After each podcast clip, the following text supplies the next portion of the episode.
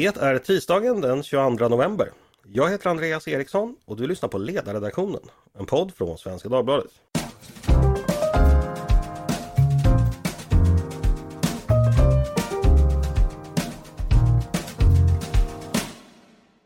Varmt välkomna ska ni vara. Snön faller och vi med den heter det ju. Igår drabbades delar av Sverige av ett häftigt snöoväder. Eftersom dessa delar av landet innefattade Stockholm kan man säga att hela media-Sverige drabbades. Därav har det senaste dygnets nyhetsflöde dominerats av rapportering om inställda tåg och bussar, bilar som fastnar, gator som inte röjs och människor som faller omkull. Och samhällsdebatten har inte varit sen att följa efter eh, och också här finns fasta hjulspår att rulla vidare i.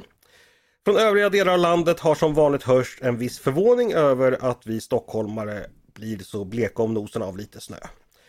Men jag tänkte att vi skulle ta upp det här i dagens podd och fråga oss hur funkar egentligen snöröjning på riktigt? Bortom rubrikerna, ingresserna och de fåniga debatterna.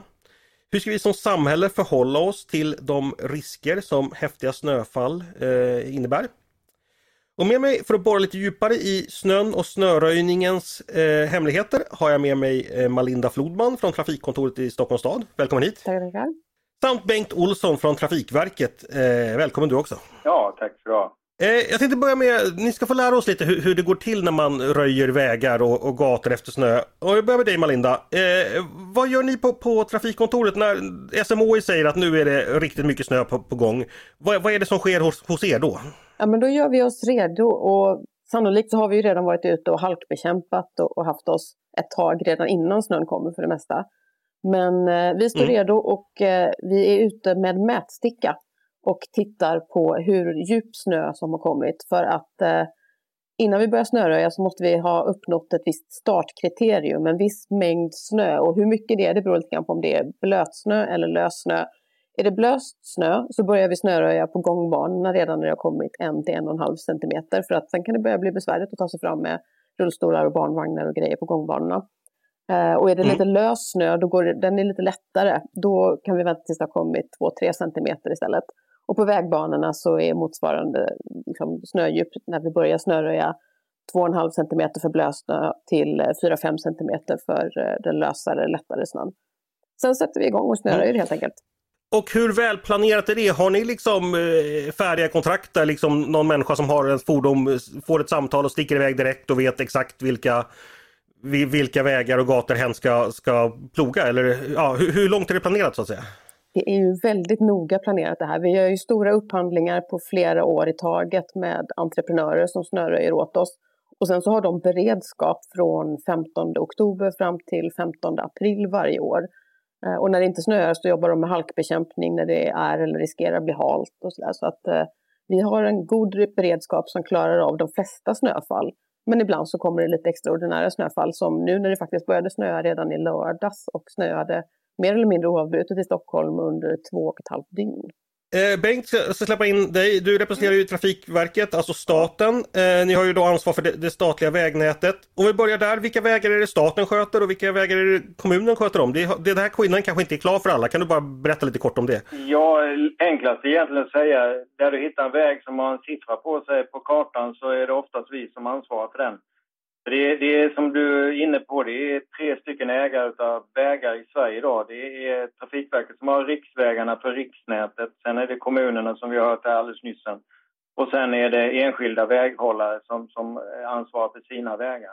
Så att det är tre mm. stycken av ägare eh, som, som eh, det finns som ska sköta sin vinterhållning av vägen så att säga. Så att det är där vi, vi börjar och vi har ungefär samma avtal som vi hörde nu trafikkontoret eh, i Stockholm har här också eh, med beredskap och vi har lång, långtidsupphandlade kontrakt med entreprenörer som ska då ut efter, efter hur mycket snö som har fallit och så vidare. Och dessutom så ligger de då online med SMHI för att kunna följa eh, eh, snöutvecklingen. Eh, men det som har varit problem nu det är ju det att det är svårt att ploga och göra sånt innan snön har landat på marken. Så det är den eh, ekvationen som är den stora utmaningen egentligen. Okej, okay, kan du förklara det lite närmare? Alltså, är det svårt att röja medan det snöar eller vad, vad, vad, vad, tänker du? Eller vad, Nej, det är svårt att röja innan snön har landat på marken. Ja, ja. Jo, det är klart. Det är klart. Det, och, och, det, och väder är väldigt lokalt. Eh, som i Stockholm nu, om vi kan ta det som exempel. Eh, det är ju det att vi hade ju indikationer då från SMH att det skulle komma mellan 10 och 20 centimeter. Men vi har haft ställen där det varit över metern djupt. Så det, mm. och det är helt olika divisioner. Vi pratar om att, att hantera sådana mängder av snö då och blötsnö som det handlar om i det här fallet. Mm.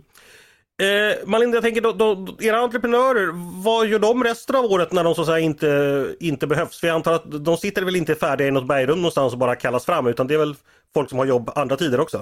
Ja, det är våra entreprenörer de jobbar ju med att sopa och städa gatorna och ta upp sand på våren och, och, och fixa löv och, och skräp och sådana saker resten av året. Så det finns gott om arbete för entreprenörerna med att ta hand om gatorna och städa dem även när det inte snöar.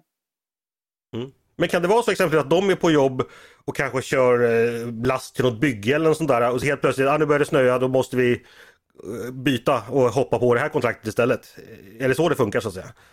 Det vet jag faktiskt inte riktigt. Jag tror att de entreprenörerna som vi har, de har ju beredskap för att göra alla de här grejerna och vi vet ungefär när de händer. Men sen så tror jag att de behöver kalla in extra personal och, och i vissa fall ta in underentreprenörer när det kommer riktigt stora snöfall och vi behöver gå ut fullt ut över hela stan och, och snöröja där.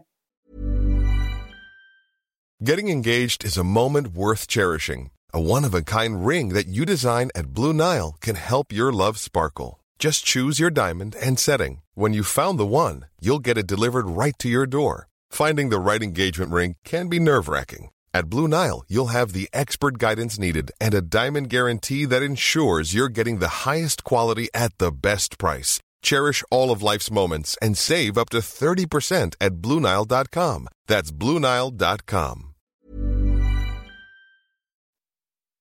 Bengt, ett riktigt stort snöfall av den, den, typen som drabbade landet nu här i början på veckan och i helgen. Eh, vad, in, vad, vad, innebär det för problem för samhället? Eller all, alla förstår att det innebär slöare trafik och en del olyckor, men skulle du kunna gå lite djupare in på, på vad som drabbas och hur? Ja, det är lite olika saker som drabbas. Eh, tar man på vägsidan som vi var inne på nu här först så, så är det ju framförallt halkan och eh, att det blir spårigt ute på vägarna och eh, det är väldigt lätt att halka av vägen. Och det är sånt som vi har haft nu i helgen och eh, igår och även idag för den delen efterverkningar av det att, att det är väldigt många dikeskörningar eller eh, långtradare som inte kommer upp för backar eller eh, lägger sig på sidan och spärrar en, en hel eh, Eh, motorväg till exempel som vi hade på E4. Då, då. Så det, är den typen av händelser som inträffar där. Sen när det eh, landar på järnvägssidan så, så blir det ju så att det kläggar igen växlar och den här tyngden som ligger på kontaktledningar som för över strömmen till tågen eh, riskerar att göra att det kan brista i någon ände. Eh, och det gör det att då kan ett tåg bli stående. Därför glesar vi ur den trafiken så att vi kan synka ihop den med vägtrafiken och, och hjälpa till att få till totala transport, transportflödet. Malinda, när man snöröjer i, i Stockholm då på det kommunala vägnätet, vad är, har högst prioritet? Vad tar man först och vad väntar man lite med? Högst prioritet har ju kraftigt trafikerade gator där det kör och ta sig fram mycket människor, eh, kollektivtrafik och där ambulans och räddningstjänst och, och, och samhällsviktiga transporter behöver komma fram. Så där, där det gynnar flest människor, där har vi högsta prioritet. Och sen så har vi olika prioriteringsklasser.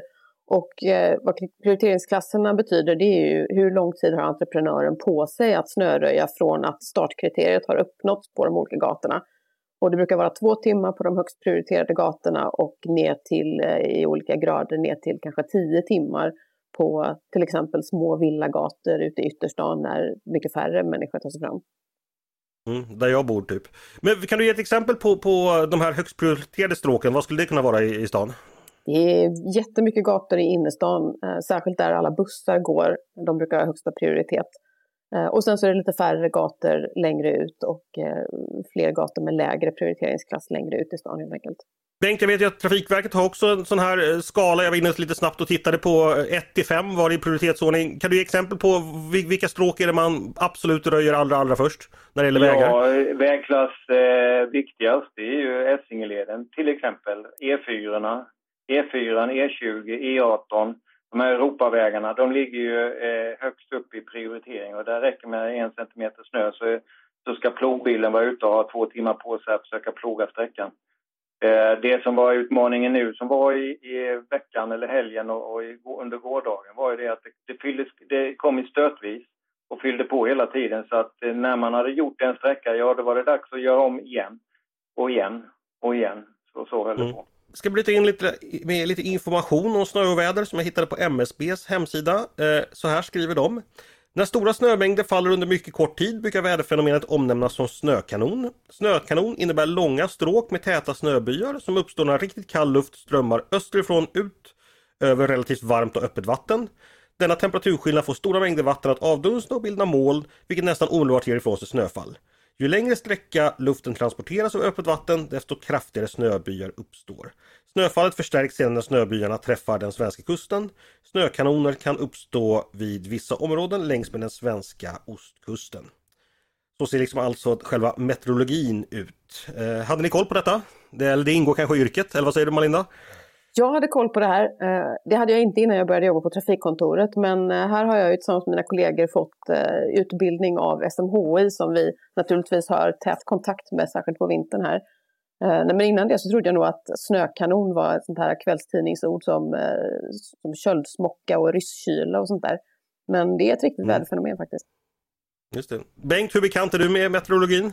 Absolut, och vi vet också var det brukar eh, uppträda. Vi har en, en sån här typisk längs eh, eh, småländska ostkusten längre söderut.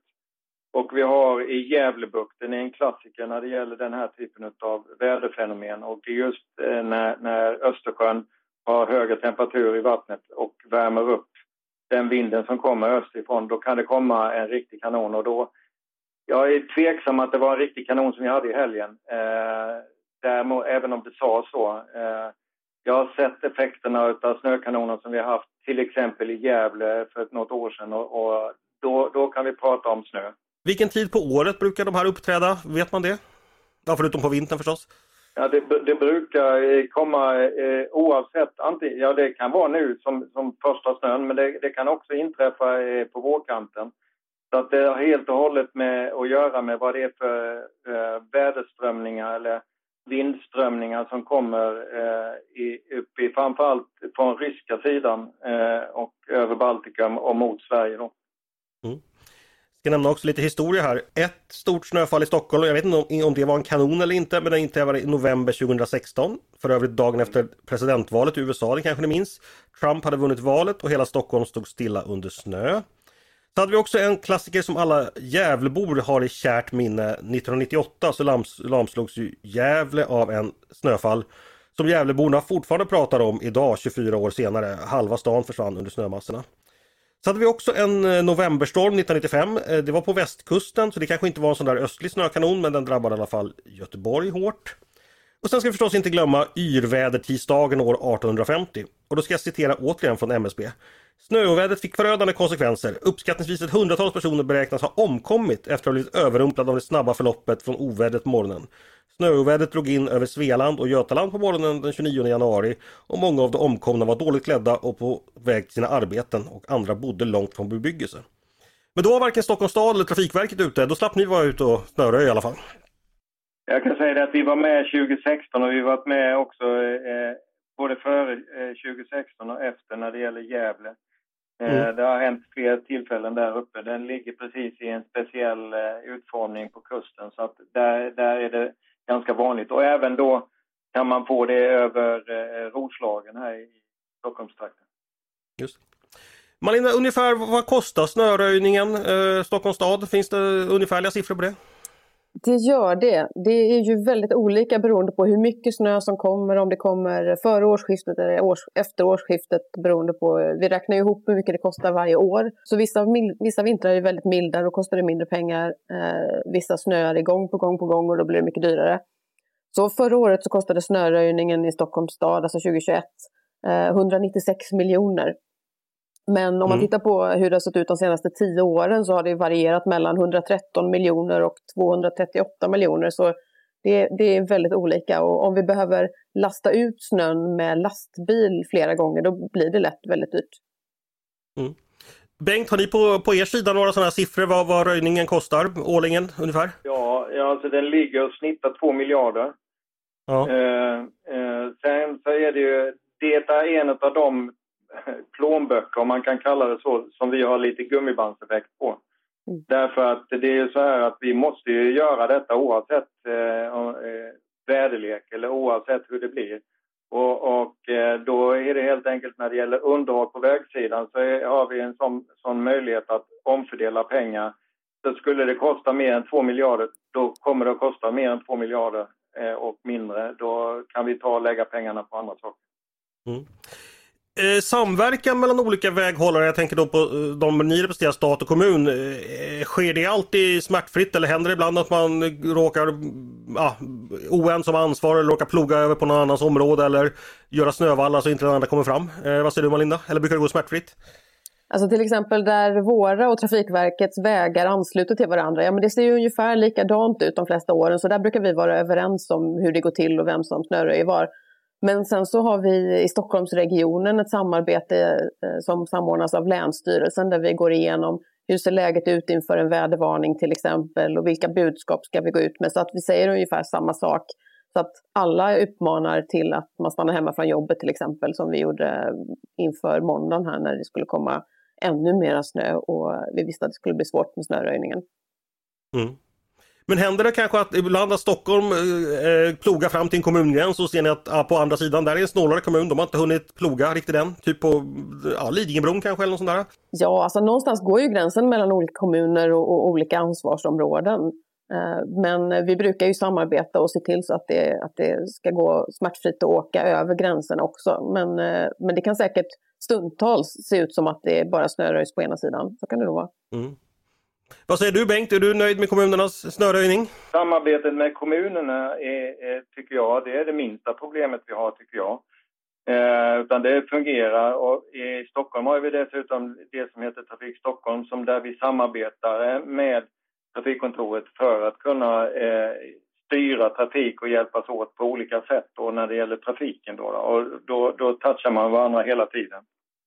Mm. Däremot så finns det större utmaningar har varit och det, det, har varit lite, tycker jag, lite synd att det har varit det och det är med de enskilda väghållarna. Alltså när det finns vägsamfälligheter eller eh, olika sommarstugområden som då ska ha ansvar för sin väg till sin, sina sommarstugor och det kan vara en, allt från en fem till en ja, enskild för den delen eh, ägare av en väg men det kan också vara, vara eh, upp till 20-40 villor som, har, som äger en väg då. Och där har det varit en, en liten eh, dialog som, som eh, där, där, vi har varit noga med att, att, följa de entreprenörer som vi har anställt eh, eller köpt in hur de ska hantera de vägarna som vi ansvarar för.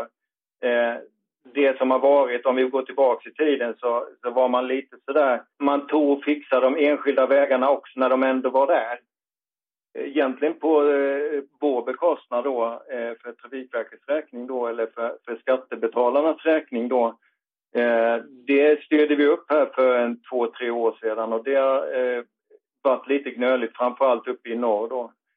Eh, så att det, det, är sånt som vi håller på och försöker hitta arbetsformer för så att det ska vara lite smidigare så att de enskilda väghållare kan eh, anlita till exempel samma entreprenör som vi använder i området Mm. En fråga till där Bengt. Det gäller ju kollektivtrafiken i Stockholm. Eh, SL kör ju bland annat sina tåg på Trafikverkets spår när det gäller pendeltåget. Eh, hur ser det ut där? Vilka tåg är det som eh, i den mån man behöver det? Behöver man prioritera olika tåg? Är det pendeltåg man satsar på först eller ska långdistanstågen gå först? Hur, hur tänker ni där? Ja, det beror på vad det är som händer. Eh, vi, grundidén har ju alltid varit att det tåg som är rätt tid ska fortsätta vara rätt tid eh, när det har hänt incidenter av olika slag. Eh, när det hände det som var nu här i helgen så gick vi helt enkelt ut till järnvägsföretagen MTR som kör i Stockholm till exempel för SL och, och till, eh, till SJ och, och eh, snälltåg och Mälartåg och allt vad de heter. Eh, så att, och även Green Cargo då för att eh, säga okej, okay, vi behöver reducera, vi behöver minska trafiken runt omkring Stockholm bara för att vi ska kunna säkra att de som går kommer fram dit de ska i de tider som det är planerat. Och då fick respektive företag komma tillbaks med förslag på sina eh, minskningar eller reduceringar i trafiken då, och, och då tog vi det. Så att det, det var en, helt enkelt att järnvägsföretagen själva kom tillbaka med förslag. Mm. Eh, vi ska gå vidare med, med en eh, intressant fråga. Det, det kanske är lite av en bifråga men är, när man har hört talas om snöröjning de senaste åren så har det ofta varit diskuterat den så kallade feministiska snöröjningen eller eh, jämställda snöröjningen som den ibland kallats. Eh, som ibland har blivit omdebatterad eh, ganska mycket. Eh, Malinda, kan du berätta, eh, feministisk snöröjning, är det en grej fortfarande som man arbetar efter och, och vad är tanken med det? Alltså, det kan man ju säga att vi gör. Sen låter det kanske mer dramatiskt än vad det är med feministisk snöröjning och det är ingenting som står i våra avtal att snöröjning ska vara feministisk eller sådär, utan jag tror att det man menar är ju framförallt att vi börjar snöröja tidigare på gångbanor för att det är besvärligare att ta sig fram gående Eh, och det är lite fler kvinnor som går. Eh, och vi väntar tills det har kommit ett par centimeter till innan vi börjar snöröja på gatorna där bilarna kör. Eh, för att de kan komma fram ändå. Och ibland så framställs det här som att det är någon slags konkurrens mellan, mellan gående och bilister här och män och kvinnor. Och det funkar ju inte riktigt så. Vi kör ju oftast samtidigt på både gångbanor och, och på körbanor. Och vi skulle ändå inte kunna använda samma maskiner på både gångbanor och körbanor utan vi måste ha mindre maskiner på trottoarerna och stora rejäla maskiner på vägbanorna annars skulle det inte gå snöröja överhuvudtaget. Så, eh, så där dramatiskt är inte det här med feministisk snöröjning alls faktiskt. Nej, jag försökte spåra lite begreppet så jag var, gick till läggen då och då var det ju då en... Eh, begreppet verkar dyka upp runt 2012 då man hade gjort en, eh, skrev en rapport i Karlskoga kommun faktiskt Eh, där man tittade då på, på olika resvanor och då kom fram till eh, ja, det du säger lite att eh, kön, eh, vi, vi, åker, vi tar oss fram lite olika efter kön.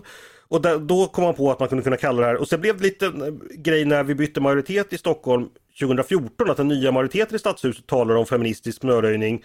Och då blev det liksom en debatt om det. Eh, så verkar liksom historien bakom ha varit. Eh, jag vet inte om ni har följt med men Lena Melin i Aftonbladet hon skrev en väldigt arg text om detta som det blev ganska mycket debatt om för några år sedan. Eh, Bengt, feministisk eller jämställd snöröjning, är det något som har nått Trafikverket också eller eh, begreppet eller principen? Nej, faktiskt inte. Utan eh, i och med att vi har i huvudsak eh, fyrhjuliga, ja möjligtvis eh, tvåhjuliga med motorer på som, som vi röjer eh, vinterväg för så har det inte varit en, en stor sak hos oss. Nej. Ready to pop the question? The jewelers at BlueNile.com have got sparkle down to a science with beautiful lab-grown diamonds worthy of your most brilliant moments. Their lab-grown diamonds are independently graded and guaranteed identical to natural diamonds, and they're ready to ship to your door. Go to Bluenile.com and use promo code LISTEN to get $50 off your purchase of $500 or more. That's code LISTEN at Bluenile.com for $50 off. Bluenile.com code LISTEN. En annan debatt som ofta dyker upp som ni säkert har sett är då att så fort det börjar snöa i Stockholm så äh, sker antingen någon av följande saker. Äh, någon som inte är från Stockholm skriver en arg krönika om att stockholmare är veklingar som, som inte tål lite snö. Alternativt någon från Stockholm skriver en arg krönika om att vi stockholmare minsann inte alls veklingar för att eh, det kommer lite snö men däremot ska lantisarna inte klaga på oss. Eh, ni känner säkert igen diskussionen Malinda. Ja, vad, vad tänker du om detta? Ja, nej, men Stockholm ser ju annorlunda ut än andra delar av landet. Det är betydligt mer eh, tättbebyggt och mycket större mängder människor som tar sig fram här. Så att det, det är inte så konstigt att det är andra förutsättningar. Mm. Men vad, vad, tänker du när, när, när eh, en av de här kommer? När, exempelvis när någon säger att eh, i Stockholm eh, klarar inte av lite snö, vad är det för fel på er? Blir du, blir du sur då eller vad tänker du? Alltså de senaste dagarna så har jag haft så fullt uppe med vårat här så jag har inte hunnit fundera lite särskilt mycket på hur det är ute i resten av landet. Utan det har jag haft fullt fokus här. Men naturligtvis den här debatten kommer ju varje, varje år och ja, nej, från det jag ser det inte som någon stor grej. Det är klart att man kan, man kan tycka att det är konstigt men det är lite trängre här och det är ännu mycket mer människor som kan komma fram. Så vi har lite andra behov än vad man kanske har där det är, där det är lite glesare. Debatten har också förts internt på Svenska Dagbladets ledarredaktion kan jag berätta, där den här poddens producent eh, Jesper, som ja, lyssnarna är väl bekant med, han härstammar ju som ni kanske vet från, från Gällivare så att han erbjöd sig faktiskt att vara med i podden att, och bara sitta och skrocka för sig själv över eh, veka stockholmare men jag tackade nej till det vänliga erbjudandet. Väldigt många av oss som eh, bor i Stockholm kommer ju från resten av Sverige också. Det är ju därför det bor så många människor här. Eh, Bengt, lägger du märke till det här kriget mellan Stockholm och resten av landet när det gäller eh, vem som tål snö och inte?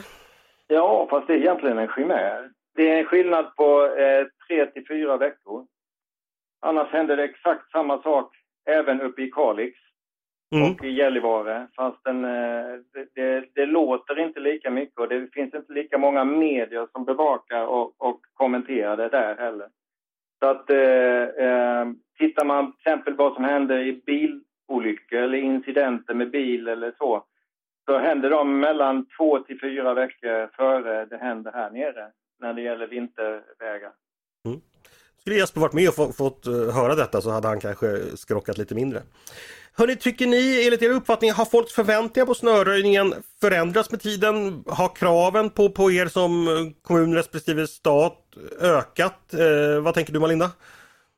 Alltså jag tänker att ja, men det är klart att det finns höga förväntningar. Vi vill kunna ta oss fram som vanligt och det är besvärligt när det kommer sådana här extraordinära snöfall. Men eh, sen så tycker jag också att folk verkar ha en väldigt romantisk bild om hur det var förr. Att man har en slags bild av att nej, men förut var det aldrig några problem, då snöröjdes det perfekt jämt. Och, och jag tror nog snarare tvärtom, att när vi gör nya upphandlingar så brukar den här färdigställande tiden som entreprenörerna har på sig, den brukar snarare kortas för varje gång. Så mm. att eh, vi ligger nog väldigt bra till. Vi har bra snöröjning nu och, och det har inte alls varit bättre för som, som en del gärna vill tro.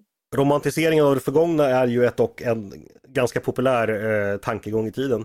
Eh, vad säger du Bengt, eh, allmänhetens förväntningar på hur, hur det röjs, eh, har det förändrats med tiden tycker du? Ja absolut, det har det gjort. Men vi ska inte glömma bort att nu är Stockholm uppe ett, med ett antal miljoner invånare. Men vi har också eh, någonstans mellan 2,5 nästan 3,5 miljoner runt Mälardalen som på ett eller annat sätt passerar Stockholm också. I stort sett nästan till varje dag. Vi har 100, mellan 120 till 180 000 fordon på Essingeleden varje dag. Eh, och eh, eh, att, att var och en då kan fixa snöröjning, det går ju inte. Utan då måste det vara någon annan som gör det. Och den där någon annan, eh, den, den, med, med all digitalisering som sker i allting annat så följer ju också de ökade kraven med i det där. Och eh, sen kan jag hålla med om att den här idealiserade bilden av hur det var en gång, nej det stämmer inte. Vi har samma eh, dialog när det gäller punktligheten på tåg kring 60 och 70-talet. Men, men vi, vi har statistik på det. Den var inte alls lika bra som den är idag. Nej, men så kan man också tänka på att om man tänker riktigt långt tillbaka i tiden på 30 och 40-talet när det så kallade snösvängen fanns då man kunde kalla ut eh, ja, folk som skottade för hand för att de beredskapsarbetare och så här, det kanske inte heller var ett ett samhälle som, som hade, ja, det kanske inte är dit vi vill tillbaks heller.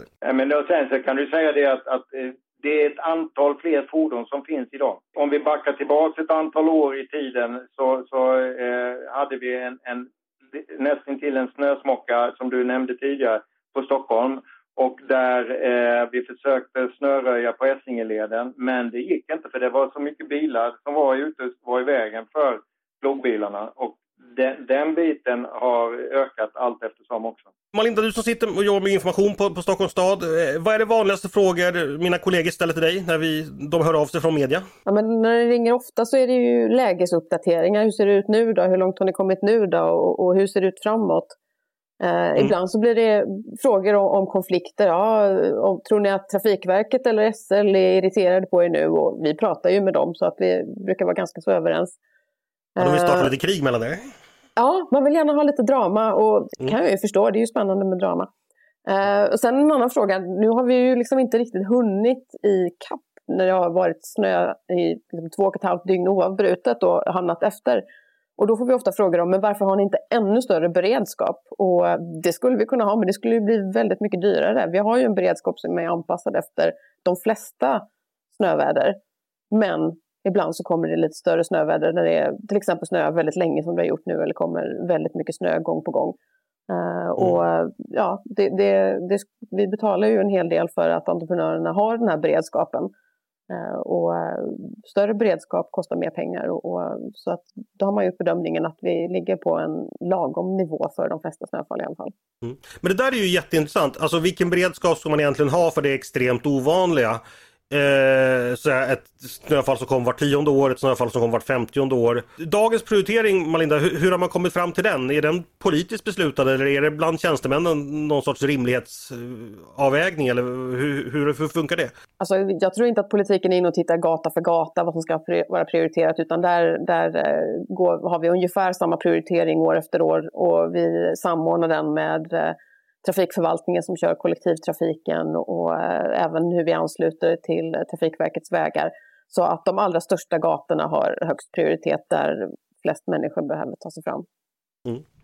Eh, Bengt, de frågor du får från media och, och, från allmänhet, vad brukar det handla om när det gäller snöröjning? Nej, men det, det är mycket handlar om prognos och sen så även den frågan som ni har varit inne på. Eh, eh, det här med att, eh, ja, kunde ni inte för, ha förberett eller bullat upp än mer inför. Men det som jag säger, som vi dels eh, vi hör här att, att eh, det har en övre gräns vad det får, lov att kosta också. Det, det, finns självklart med. Men den svåra uppgiften tycker jag inte är, är det utan vi går upp i utökad beredskap och vi har pratat med entreprenörerna att de ska vara på tårna och så vidare inför, som vi gjorde till exempel i fredags då, då inför det här snöovädret. Men Svårigheten är att göra bedömningen var exakt kommer den största dumpen av snö landa någonstans. I, eh, jag menar inne, in i Stockholm, även om det var sörjigt och, och, och, så där och det var svårt för bussar och så vidare. Så den stora dumpen den kom ju ner mot Nynäshamn där vi har, på vissa ställen hade över en meter snö som kom. Och, och frågan är liksom vad, och, och på 73an där till exempel som går ner till Nynäsvägen. Så det, det, är, liksom, det, det är den svårigheten som jag tycker är den stora utmaningen. Var exakt landar väder? När, för väder är lokalt knutet i, i åtta fall av tio. Mm. Vi ska ta och avrunda hörni. Jag tänkte bara eh, som sista fråga Eh, undrar jag ifall ni har något så speciellt, kanske privat tips på hur man som medborgare ska klara sig som bäst när snökanonen slår till. Ska man stanna hemma med en god bok eller ska man köpa broddar eller ska man göra någonting annat? Vad säger du Melinda? Vad är, vad är ditt bästa råd? Alltså mitt bästa råd, det kanske är ett råd till mig själv i första hand, men många andra med mig har ju samma ovana att vara ute i sista sekund. Eh, det är bra att låta planera sin resa i tid och vara ute i god tid för att det kan gå lite långsammare när det är besvärligt med snön. Det försöker jag påminna mig själv om i alla fall. Mm. Och att det är ganska långa köer hos eh, däckbytaren när första flingan väl har fallit. Så det kan man också komma ihåg kan jag påminna mig själv om eh, som köade ganska länge för detta. Eh, Bengt, vad säger du då? Något tips till, till, till lyssnarna om hur man ska klara sig bäst från de olägenheter som mycket snö innebär? Jag tycker man ska eh, ha, tänka lite efter före. Därför att det, det finns väldigt bra eh, väderleksrapporter och prognoser som kommer ut både i radio, tv och i många kanaler. Ha koll på det dit jag ska. Eh, och sen så ha, eh, följ det. Antingen om man ska ut med bil, ja då det, räcker det med kanske med meteorologerna. Men annars är det du kan följa både på eh, trafiken.nu eller läget i trafiken på vår hemsida. Där, där kommer i realtid upp hur läget ser ut oavsett om det handlar om väg eller järnväg. Eh, så att, eh, eh att följa dem och ha koll på väderleken, vad den drar eller vilket håll den, den kommer gå på. Det tror jag är en förutsättning för att man ska kunna ta ett bra beslut och sen gäller det, precis som vi hörde här, att, att ta god tid. Mm. Var beredd på att det kommer ta längre tid. Det bara är så. Det bara är så. Ibland så är det så att även vi moderna människor i denna tid påverkas av vädrets makter. Stort tack eh, Malinda Flodman från Stockholms trafikkontor och Bengt Olsson från Trafikverket för att ni vill vara med i podden idag. Ja, tack så du Tack själv. Och tack också till er som har lyssnat på Ledarredaktionen, en podd från Svenska Dagbladet. Ni är varmt välkomna att höra av er till redaktionen med tankar och synpunkter på det vi precis har diskuterat. Eller om ni har idéer och förslag på det vi ska ta upp i framtiden. Då är det bara att mejla till ledarsidan snabel svd.se. Dagens producent eh, är den snöoberörde Jesper Sandström. Själv heter jag Andreas Eriksson och jag hoppas att vi hörs snart igen.